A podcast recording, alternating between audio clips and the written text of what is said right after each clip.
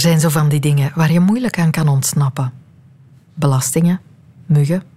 En minstens één keer per jaar, wanneer je je raam openzwiert voor een beetje frisse avondlucht, dit.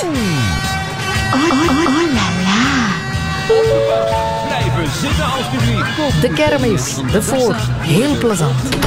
Voor even, want het is toch een behoorlijke aanslag op je zenuwstelsel. Waar komt de kermis eigenlijk vandaan? Ik ben Sophie Lemaire en dit is een snelle geschiedenis van de kermis. Of de voor. We gebruiken die woorden door elkaar, maar eigenlijk zijn het verschillende dingen. Die allebei teruggaan tot de middeleeuwen. De voor werd van oudsher door een stad georganiseerd en was eigenlijk een jaarmarkt voor de handelaars. En eh, voorbeelden daarvan, ja, het woord zegt eigenlijk zelf al voor. De Sinkse voor bijvoorbeeld in Antwerpen, maar ook de Mei voor in Brugge. Uh, de paasvoor in Kortrijk. Dit is Emma Dana. Zij doet onderzoek naar kermisvieringen bij de onderzoeksgroep Geschiedenis van de Nieuwe Tijd van de KU Leuven. De kermis is iets anders. Dat was een religieus feest. Het woord komt van kerkmis of kerkenmessen of... Kerkwijdingsfeesten. Dat waren katholieke feestdagen eigenlijk, waarop dat men de, de wijding van de parochiekerk herdacht. Echt belangrijk. Men vierde dat als een soort collectieve verjaardag. Leven wij allemaal hier in het dorp samen? En leven God, dat ook wel. Dat begon met een misdienst om eigenlijk de verjaardag van de parochie te vieren. En daarna was er een preek, maar ook een processie. En bekende voorbeelden daarvan, men zou het eigenlijk niet denken, maar dat is bijvoorbeeld de Heilig Bloedprocessie. Grootjaarlijks feest in Brugge bestaat nog altijd. Dat is eigenlijk hoe de kermis ontstaan is. Kan je vandaag dus nog altijd zien.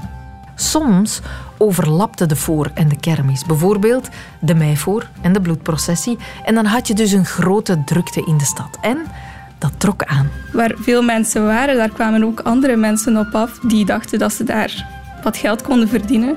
Dus dat waren echt performers uit Italië, uit Frankrijk, Nederland, maar natuurlijk ook lokale entertainers die er toneel kwamen spelen, uh, dingen tentoonstelden. Entertainers van over heel Europa begonnen naar die jaarmarkten en kermissen toe te reizen. Dus ze hadden echt een kalender waar ze al die, die jaarmarkten of kermissen op het platteland gingen meepikken en er zo eigenlijk hun beroep van maakten. Dus het begrip forains, dat bestond eigenlijk al sinds de middeleeuwen. Nu, wat moeten we ons bij die performances van toen voorstellen?